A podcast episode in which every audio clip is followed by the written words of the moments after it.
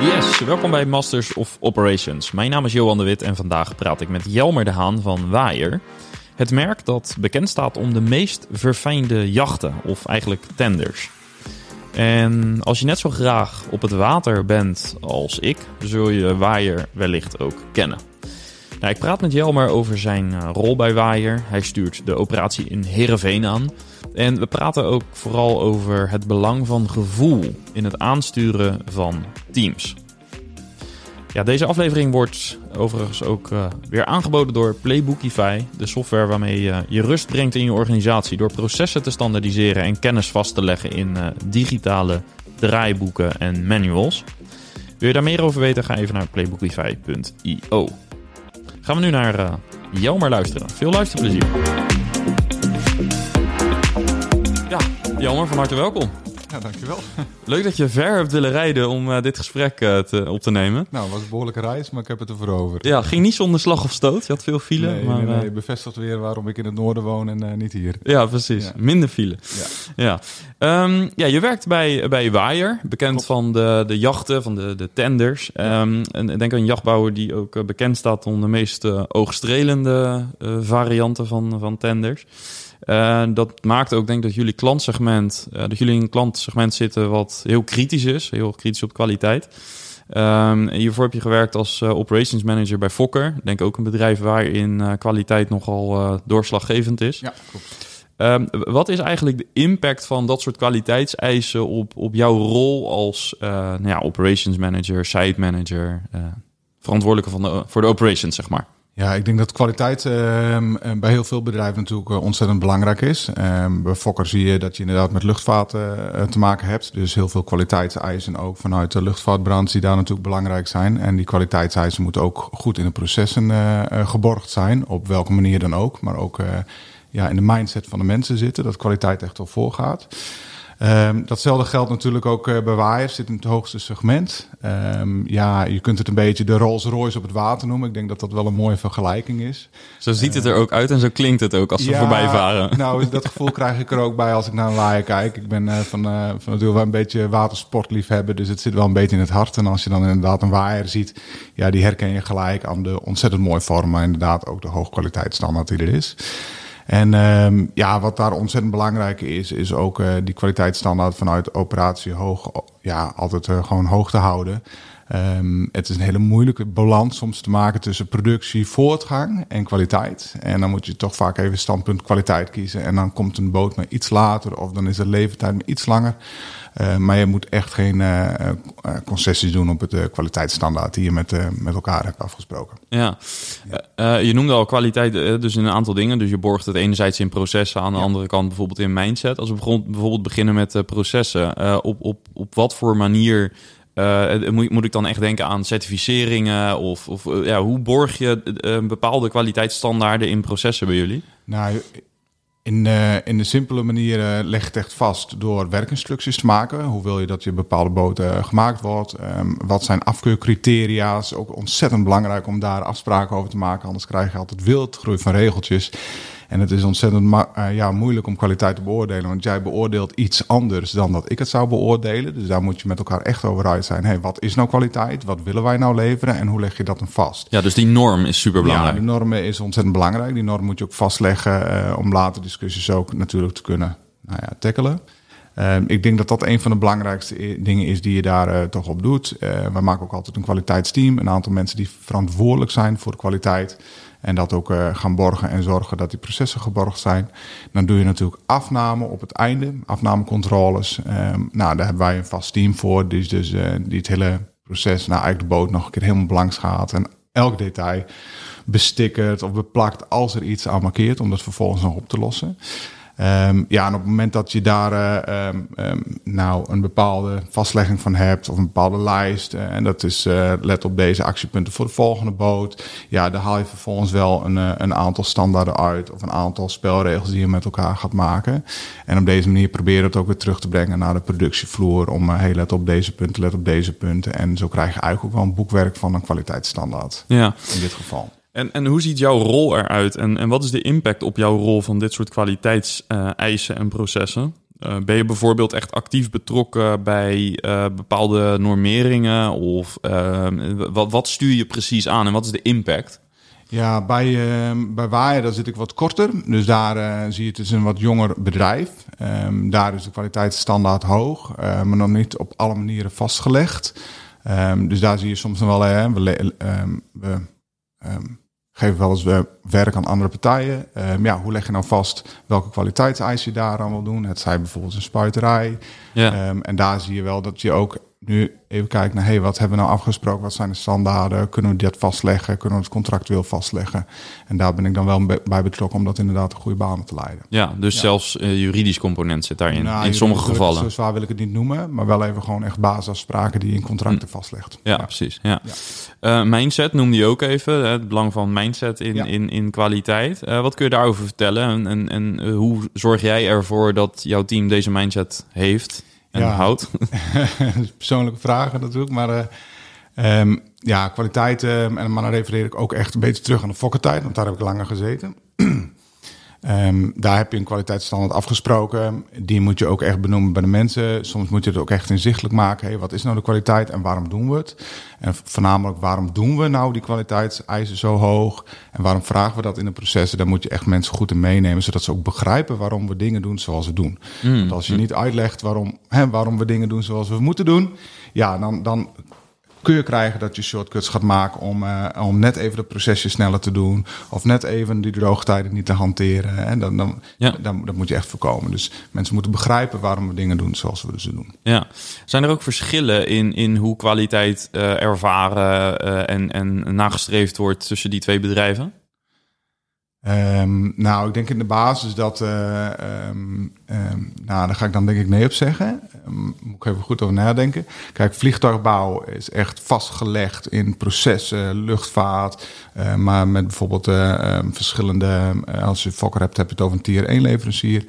Die levert aan Airbus, levert aan Boeing. En ook die partijen hebben allemaal weer verschillende kwaliteitsnormen. Die je dus in de processen van Fokker weer hebt moeten embedden. En oh ja, moeten ja. vertalen naar de uh, processen die je hebt. Ja, dus dat komt eigenlijk van outside in, zeg maar. Dus, dus er is een soort industrienorm en om daar aan te voldoen moet je ook intern een aantal dingen op orde hebben. Ja, klopt helemaal. En uh, daar heb je echt heel veel wetgeving en regels waar je aan moet voldoen. Um, ja, het zijn nog steeds processen die je moet inrichten in het proces. Um, kwaliteitsnorm begint het, eh, het is altijd bij de mensen en de mensen op de werkvloer en hoe sturen we de mensen ook aan. Dus in de basis, hè, de regels zijn wellicht anders, maar de mindset die bij mensen heerst, die moet je echt, denk ik, op alle vlakken en bij elke bedrijf moet je die gewoon gezamenlijk uh, echt heel ontzettend helder maken. En ook voor de mensen waarom we dingen doen zoals we ze doen. Ja, dus ja. ook al zijn de regels anders, um, en de kwaliteitsnorm die, eh, die leg je zelf eigenlijk, die lat die kun je zelf leggen. Ja. En uh, dus ja, zeg ik nee. Ja, dus in beide gevallen uh, moet je hetzelfde doen. Ook al is misschien de driving force of zo misschien iets anders. Of de aanleiding. Ja, helder. Uh, nou, je gaf aan dus Fokker. Uh, daar heb je ongeveer tien jaar gezeten, denk ik. Je bent daar begonnen ehm, eigenlijk met relatief weinig ervaring. geen ervaring als teamleider volgens mij. Helemaal, helemaal, helemaal geen ervaring. Nee, nee, ja. en uiteindelijk was je operationeel manager van het F35-programma. Ja. Um, ja, dit is een moeilijke vraag misschien, maar wat is er in tussentijd gebeurd? Dus kun je, kun je ons een beetje meenemen in wat zijn nou de highlights geweest in die periode en wat heb je daar vooral geleerd? Ja, ik heb uh, in mijn studententijd technisch bedrijfskunde gestudeerd. Toen uh, ben ik een uh, jaartje bij Fokker Talent terechtgekomen als lean consultant. Nou, ik wist ook niet wat dat toen was, maar ik heb een jaartje 6S-programma's uitgerold. Eigenlijk het 5S-programma, maar safety voegen ze toe bij Fokker. Uh, toen ben ik er een jaartje tussenuit geweest, wereldreis gemaakt. En uh, ja, de hele wereld over geswerfd. En toen wilde ik eigenlijk weer wat serieus gaan doen. En toen kwam er een vacature teamleider uh, bij Fokker terecht. Ja, en ik vond Fokker een onwijs gaaf bedrijf. Vliegtuig bouwen in Nederland nog steeds. dus ik heb daarop gesolliciteerd en ben toen ik in Australië zat weer aangenomen. Toen ben ik teruggevlogen en ben ik begonnen als teamleider. Nou, dat ja, ik heb dat nog nooit gedaan, dus ik wist niet of ik dat kon. Maar uh, ja, al snel ontdekte ik uh, dat ik het ontzettend leuk vind om met mensen te werken. Ik heb echt een hart voor techniek. Dus ik kwam op, uh, op het autoclaafproces terecht. En voor de niet-luisteraars, Fokker maakt eigenlijk ja, luchtvaartonderdelen voor verschillende leveranciers. of klanten eigenlijk, moet ik zeggen. En um, nou, composiet onderdelen maken wij, um, waarbij je dus eigenlijk uh, een product op een mal lamineert. Dat wordt geautoclaveerd, dus het product wordt eigenlijk uitgehard en vervolgens wordt het mal En het product weer gescheiden en gaat het mal opnieuw het proces in. En het product dat gaat verder het proces in. Ik ben uh, daar teamleider geworden van het debugging eh, team. Dat was dus het product van de mal afhalen. En dus ook de eerste kwaliteitseisen op het product doen. Hè. Hoe is het eigen product gelamineerd en hoe is het eruit gekomen.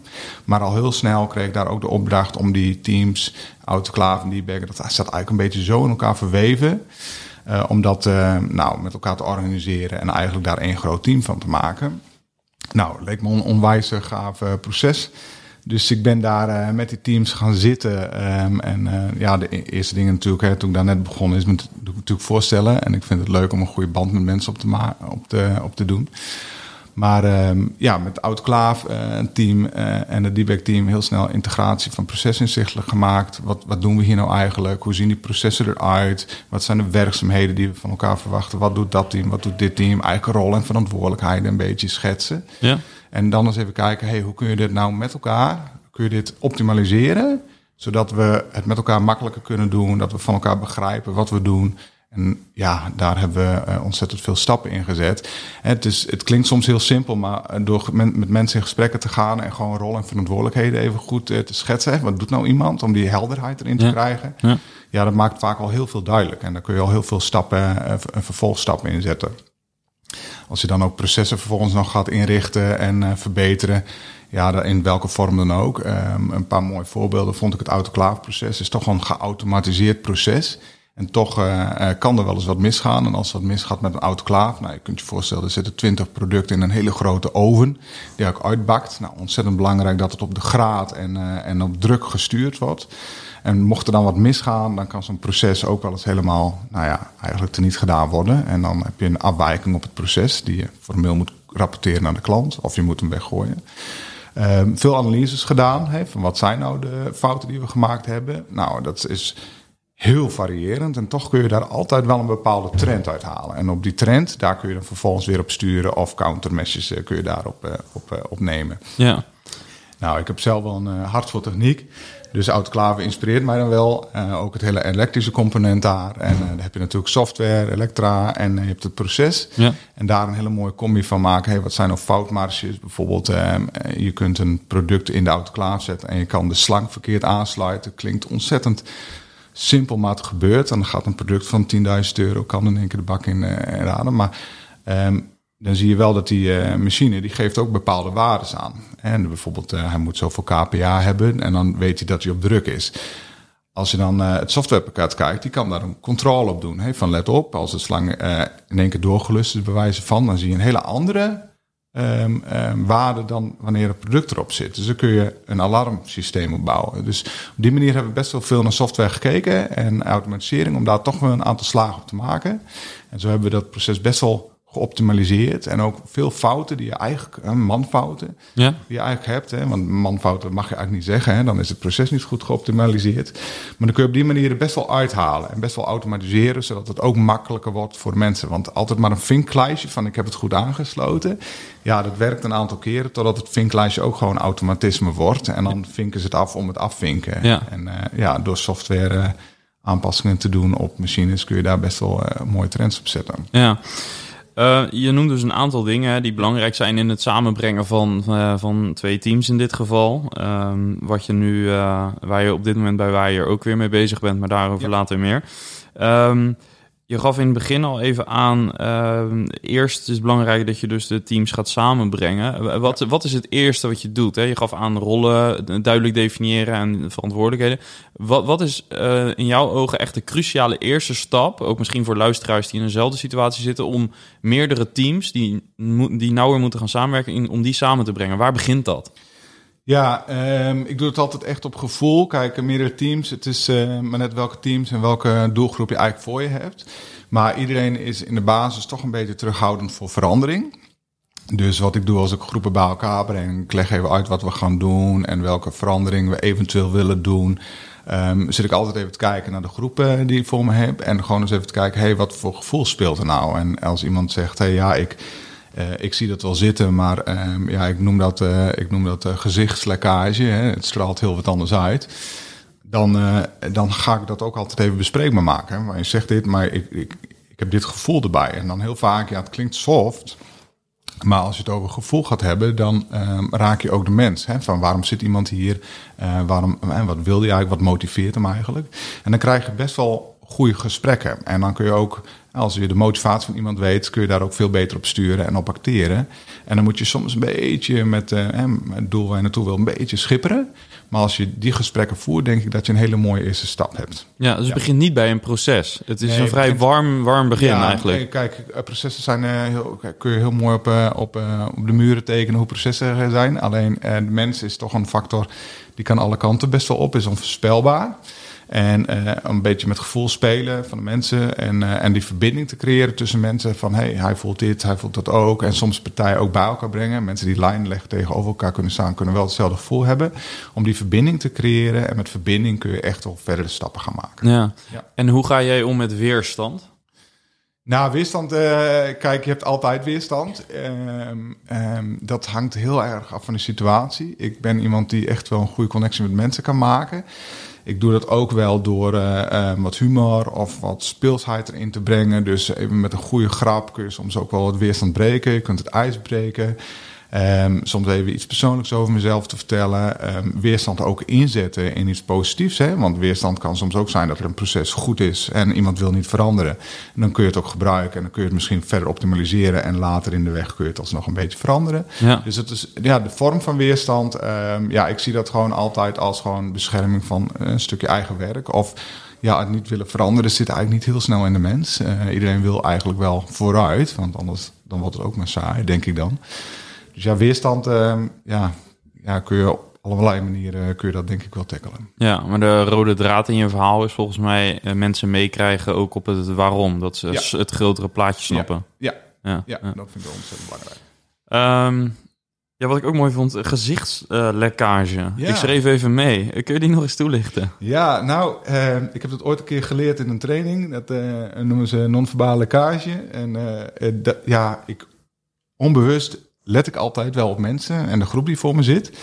Maar uh, non-verbale kaars wil eigenlijk zeggen: um, hey, je zegt iets tegen mij, um, ik ga het doen, maar je gezicht laat wat anders zien. En dan bespreek ik gewoon even wat ik van je gezicht aflees. En door het gevoel bespreekbaar te maken, dan raak je iets. En dan begint men altijd wel even te spreken. En dan komt soms ook echt de echte mening even naar voren. Mm. En dat is wel leuk om te zien. Ja. Soms krijg je hele andere discussies, of soms krijg je in één keer heel andere inzichten. Um, ja, het is hetzelfde als uh, degene die heel stil is aan tafel niks zegt, uh, toch even een podium geven en steeds even op een hele subtiele manier proberen er wat uit te krijgen. Op een gegeven moment gaat zo iemand ook bloeien. Ja. Nou, en met gezichtslekkage bespreek je ook heel vaak even gevoel. Ja, en, en dat klinkt heel kwetsbaar, maar het is ontzettend sterk. Ja, en, en laten we even heel technisch worden. Um, uh, als je gezichtslekkage wil spotten bij iemand, waar kijk je dan naar? Dus hoe is, is, het, is dat gevoel of zijn dat echt technische dingen? Zie, kijk je echt naar uitdrukking, naar ogen? Hoe, hoe gaat zoiets ja, in zijn nou? Dat is een goede vraag. Dat, uh, die heeft me nooit met mij gesteld. Dus uh, goede vraag, dankjewel. Maar uh, ja, ik let voornamelijk op ogen. Um, gezichtsuitdrukking, ja, waar, waar kan het gaan ogen heen? Um, doet hij iets met wenkbrauwen? Um, lacht u of zie je toch een beetje een, een kramp in het, in het gezicht? Of zie je dat iemand helemaal niet ergens op reageert? Hm. Dan is dat ook een, een, Ja. een... Ja, dan kun je ook gewoon bespreken. Dus Dus best wel technisch.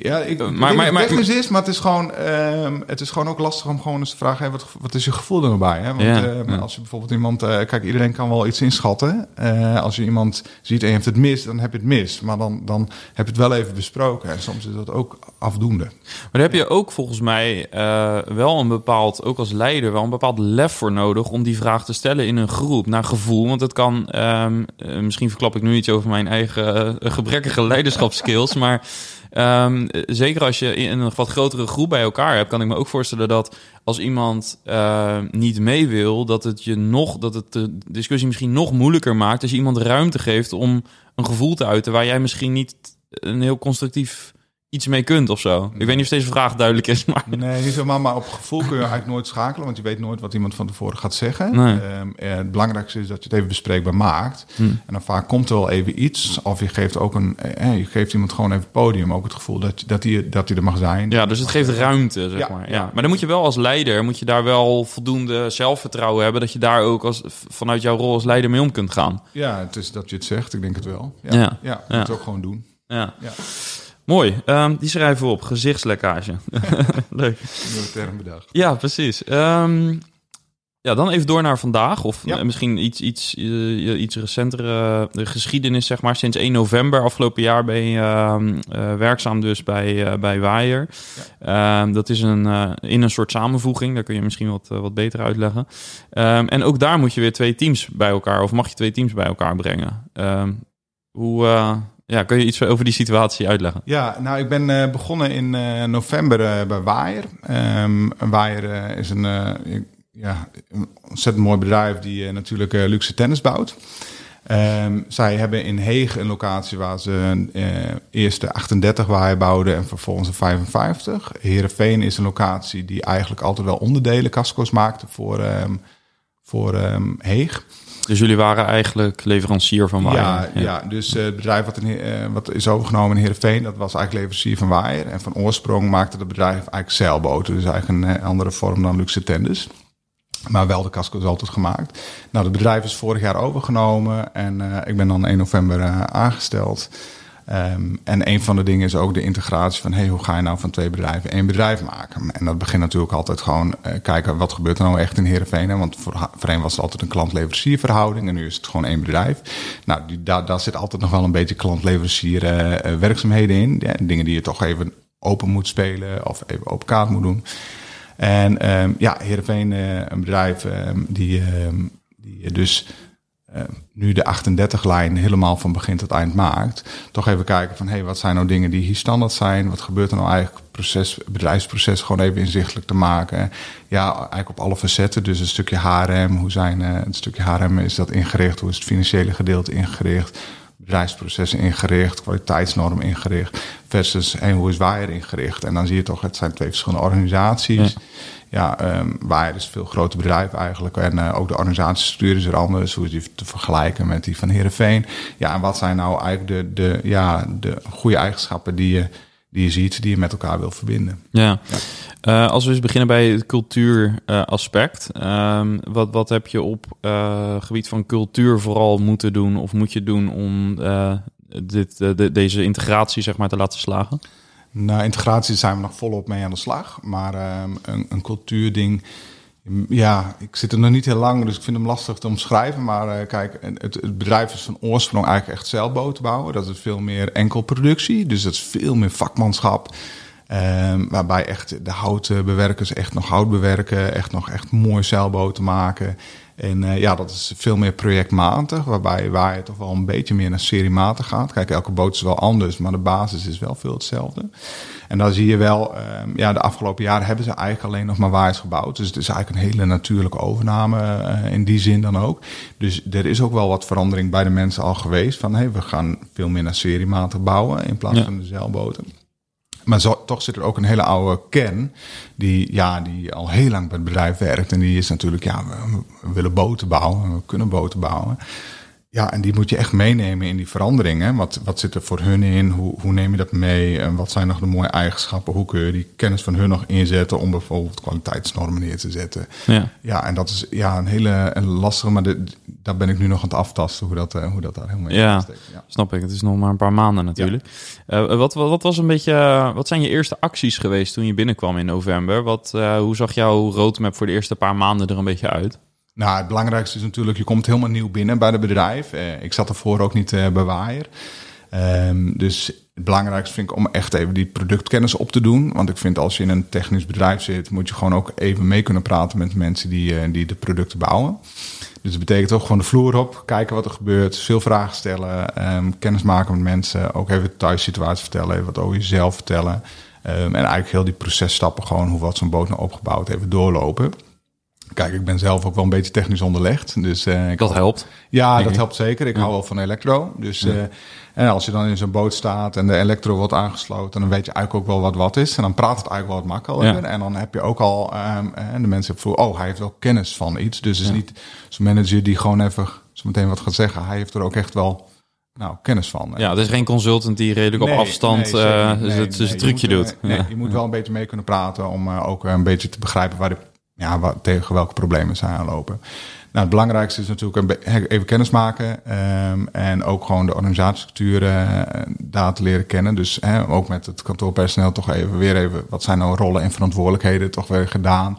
Waarbij het voor hun heel helder was, maar als je het gesprek aangaat, dan wordt het toch wel wat vager. En dan, oh ja, sommige dingen hebben we wellicht niet eh, ingericht. Dan zie je ook gelijk even waar, eh, waar de, nou, ja, eigenlijk de, de valkuilen zitten van de organisatie. Dus het helpt mij ontzettend om even te kijken, oh, dan moet ik daar even extra op letten. Ja. Even een paar basiselementen eruit halen. Hè? Hoe ziet een planning eruit? Hoe ziet de structuur eruit? En eh, dat zijn een beetje de eerste roadmaps. Of eh, de eerste dingen die ik dan aanpak. En ja, heel veel mensen die, eh, die zijn natuurlijk van... ja, jij komt ons vertellen, wat gaat wij nou met ons doen? Ehm, en ja, ik zeg, dat leuk, maar dat gaan we samen ontdekken. Dus het wil niet zeggen dat wij een heel plan klaar heeft waar we naartoe gaan. Dat moeten we samen ook een beetje ontdekken. Want het is een polyesterfabriek die boten bouwt. En Waaier is echt een, een boten bouwen. Dus kijken hoe die werelden in elkaar zitten. Dus ook heel veel gewoon verwachtingmanagement. eh, eh, van Ja. verwachtingen even, joh, het is een bedrijf en het bedrijf is echt niet morgen in één keer anders, omdat het nu waaier is. Nee. Dus, eh, ja. Ja, ja. ja ook, ook vanwege identiteit, zeg maar. Omdat je beide al heel lang bestaat Ja. en, en al een eigen cultuur hebt. ja, dat klopt. Ja, ja.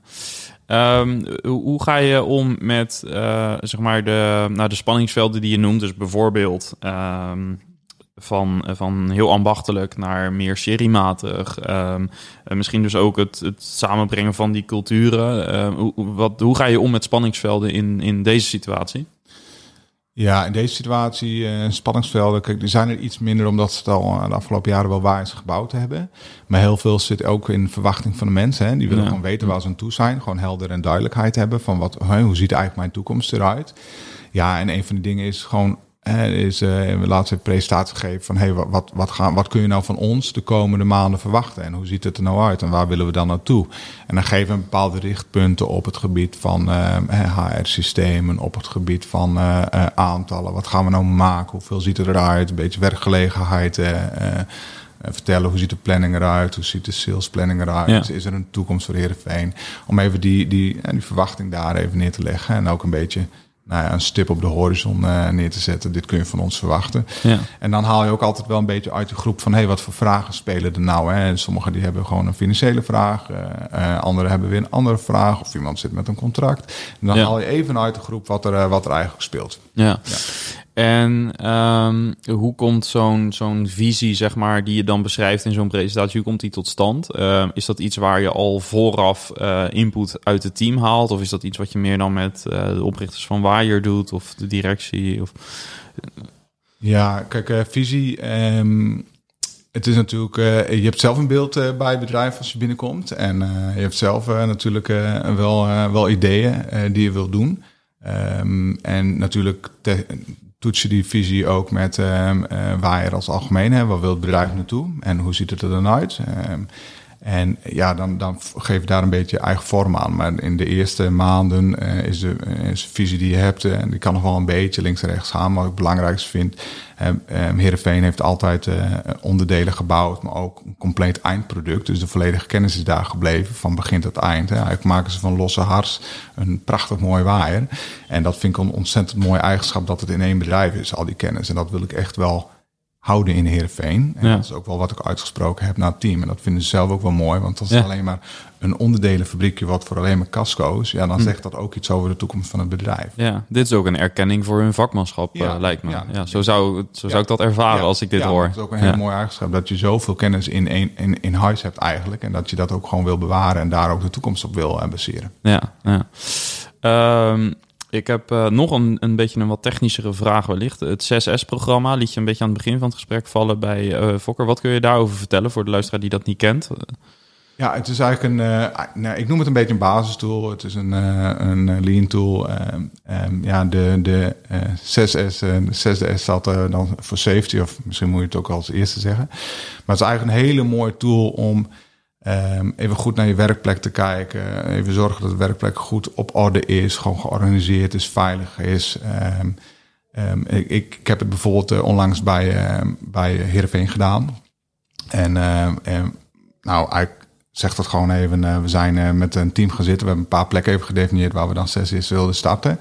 En ja, een van de eerste dingen die je dan doet, is toch even een, eh, een, een theoriestukje geven van wat is nou 5S of 6S, hoe je hem wilt noemen. Wat staat het voor? Waarom doen we dat? Waarom willen we dat je dat doet?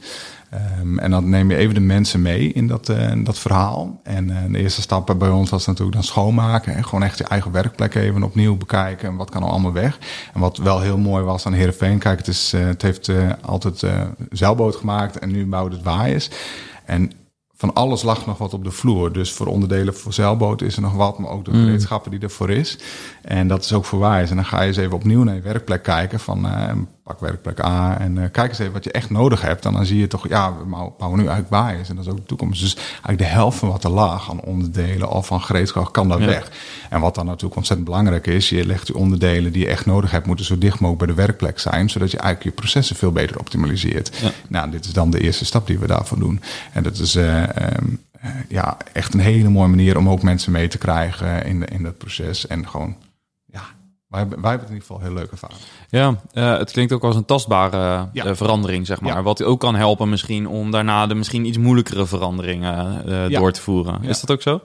Nou, het, het geeft wel een mooie basis. Mensen worden er ook wel um, echt enthousiast van. Het is ook gewoon, ja, men voelt ook, hé, hey, ik krijg even de ruimte om goed na te denken. Ik word ook gehoord. Ik mag even bepalen wat er op mijn werkplek gebeurt. Dus je geeft ook die verantwoordelijkheid aan. En je neemt ze ook mee in die processen.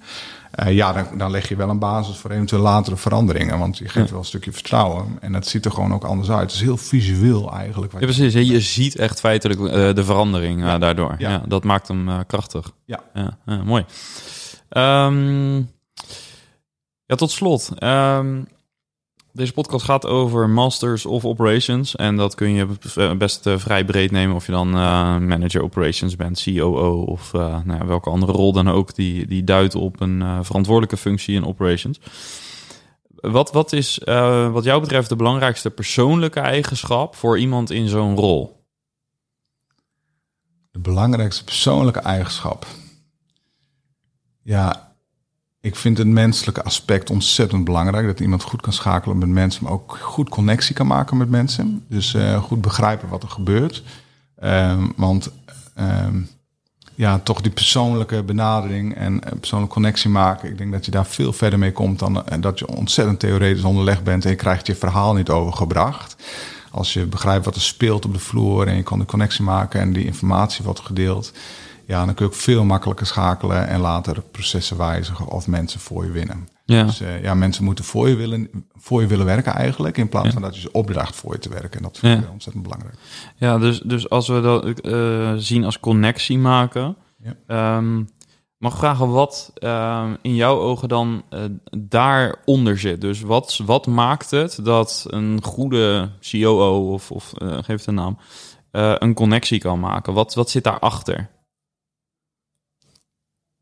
Ehm, wat zit erachter? Een persoonlijke verbinding uh, creëren. Hm. Echt, en dat stukje, nou, misschien het is het gevoel uh, erbij, uh, erbij dragen. Waarom doen we dingen? En ja, wat is het gevoel erbij als je dat bespreekbaar kan maken? Ja. Ja, dus echt meer oog voor gevoel. Want het woord gevoel is best wel een aantal keer gevallen in deze aflevering. Ja, klopt. Maar dat is omdat ik hem zelf heel veel gebruik. Um, bewust, onbewust vaak wel. Um, maar dat heeft me zelf ook best wel ver gebracht. En, en bespreekbaar maken van gevoel. Het wil niet altijd zeggen dat je het heel uh, nou ja, letterlijk neemt. Maar er ontzettend op letten wat er speelt in de groep. En niet alleen uh, gewoon qua communicatie, maar ook gewoon in de gezichten aflezen wat er speelt. Ja, ja dat vind ik een hele belangrijke eigenschap die mij in ieder geval heel veel gebracht heeft. Ja, ja. ja. Ik vind het een mooie, mooie afsluiter van, van dit gesprek. Uh, het is denk ik zelfs een beetje de rode draad geweest. Uh, ja, nu je het zegt, uh, ja. ben ik me iets minder bewust van geweest. Ja. Maar ja, dat klopt. Ja, dat is mooi. bedankt voor het delen van, van deze inzichten. En ja. ja. als ik later dit jaar weer een keer op het water zit en ik zie een waaier voorbij varen, dan kijk ik denk met nog iets meer plezier dat daarna. Kan ik me voorstellen. ik, ik weet nog dat afgelopen jaar um, hadden wij een bootje gehuurd in, um, in Friesland. Ja. Een weekje door Friesland gevaren, was echt fantastisch. En uh, dan kan ik me ook nog herinneren dat er op een gegeven moment een waaier uh, voorbij kwam op uh, vrij hoge snelheid. het, blijft echt een fenomenaal gezicht. Ja. En ja, wij hebben zelf ook een boot en, en, in de haven bij ons ligt er ook een. En ik, ik, ik, ik kan het niet laten om er even naar te kijken. Het is echt een, een, lust voor het oog. Ja. Dus, ja, ze vallen wel op op het water. Dus ja, ze vallen echt heel erg op. Echt, maar, maar, maar zeg maar wel op een, ja, hoe zeg je dat? Eh, bescheiden is niet het goede woord. Uh, het, het, het, is heel. Um, ja, dat is een mooie vraag. Wat, wat, hoe zou ik het omschrijven? Het is een. Um, hij valt op, maar het is Um, ja, hoe zou, je dat, hoe zou je dat moeten noemen? nee, ik begrijp wat je zegt. Het is, het is zo klassiek. Het is gestoeld volgens mij. Het is een heel klassiek mooi uh, ontwerp. Dat het opvalt, maar ook wel weer wegvalt in de achtergrond. Ja, ja want, want ik, uh, je kent ook de, de echte klassieke uh, Italiaanse schepen, zeg maar. Nou, het lijkt wel of er daar wat, wat in zit. Maar het is toch ook wel weer een heel eigen vorm of zo. Dus ik vind het ja. een, een hele mooie, mooie combi. Goed, uh, tot zover mijn persoonlijke belangstelling. Nogmaals dank en uh, leuk dat je hier was. Yes, en ben je zelf operationeel directeur of uh, nou, heb je een soortgelijke functie en wil je jouw verhaal delen in deze podcast? Voeg me dan even toe op LinkedIn en stuur me een berichtje of mail naar info at mastersofoperations.com. Of ga naar start.mastersofoperations.com om zelf in contact te komen met andere operationeel directeuren om uh, van elkaar te leren. Graag tot de volgende aflevering. Bye bye.